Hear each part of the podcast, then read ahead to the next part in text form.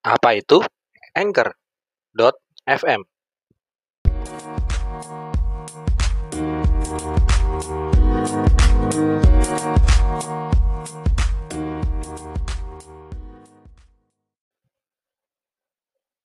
Halo, salam jumpa teman-teman. Uh, pada episode kali ini kita akan sedikit me kita, saya, saya akan mem sedikit menggambarkan apa itu uh, menjelaskan Anchor. Anchor uh, seperti pembahasan kita sebelumnya pada podcast ya. Jadi banyak tools yang bisa kita pakai untuk membuat uh, semacam podcast gitu yang bisa kita publish ke media sosial di antara misalkan uh, Anchor ini uh, saya jelaskan dulu deh dari awal ya.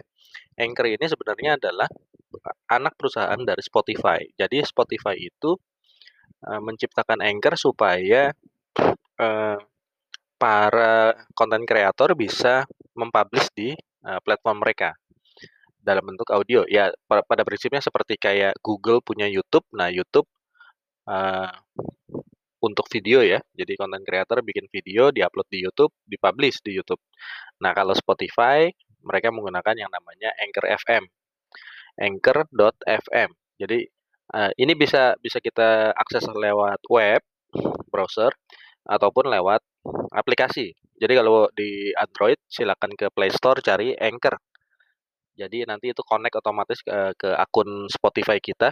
Jadi kalau teman-teman punya Spotify, mungkin lebih baik pakai Anchor di handphonenya. Dan kualitas rekaman di menurut saya kalau kualitas kualitas uh, rekaman di Anchor yang di smartphone ya itu lebih baik ketimbang yang kalau pakai uh, browser karena ini sangat bergantung dari mikrofon yang kita pakai pas kita uh, di entah di desktop atau di laptop kita. Oke, balik lagi ke Anchor. Jadi dia punya fitur utama record. Nah, record itu kita bisa merekam mau berapapun menitnya kalau nggak salah ya. Uh, tapi kalau kita mau bikin sebuah podcast, ada baiknya kita planning seberapa, seberapa banyak penjelasan yang mau kita uh, uraikan di dalam satu rekaman episode itu ya.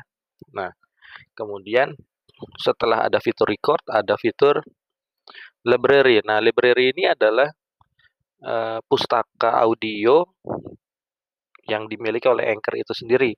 Isinya apa aja? Isinya itu biasanya ada efek-efek ya. Mulai dari bumper, bumper depan, bumper belakang, bumper itu semacam uh, apa audio yang menghantarkan lah supaya nanti terlihat oh ini ada segmennya, segmen 1, segmen 2, segmen 3. Jadi kalau teman-teman punya penjelasan yang harus terbagi-bagi 1, 2, 3 gitu, nanti disisipkan bumper-bumper ini gitu kurang lebih.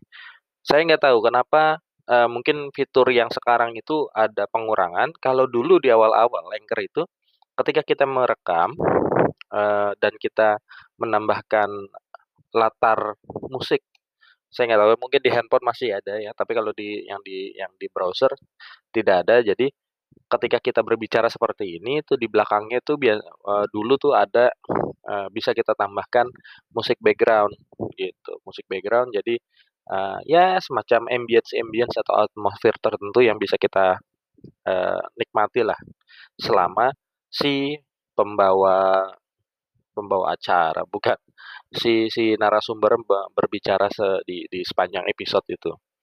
Jadi penggunanya sih simple sekali, simple sekali. Teman-teman record sebanyak sebanyak yang dibutuhkan untuk menjelaskan satu konsep atau materi apa pun. Nanti di panel kanannya tinggal ditambahkan ke episode, ditambahkan bumper.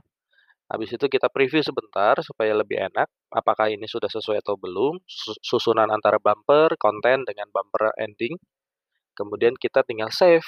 Nah, setelah save ada opsi lagi nanti, apakah ingin dipublish. Nah, kalau pengen dipublish berarti tinggal di tinggal di apa namanya diberikan permission untuk publish ke uh, aplikasi selanjutnya yaitu mungkin misalkan Spotify atau SoundCloud atau yang lain. Tapi kalau saya sih prefer ke Spotify aja ya karena banyak orang yang uh, se se sudah pakai Spotify untuk mendengarkan streaming audio gitu. Mungkin sampai situ aja dulu untuk penjelasan Anchor-nya. Semoga bisa dipahami, kalau tidak ya kita langsung bisa diskusi lebih lanjut nantinya. Oke, thank you. Salam. We'll be.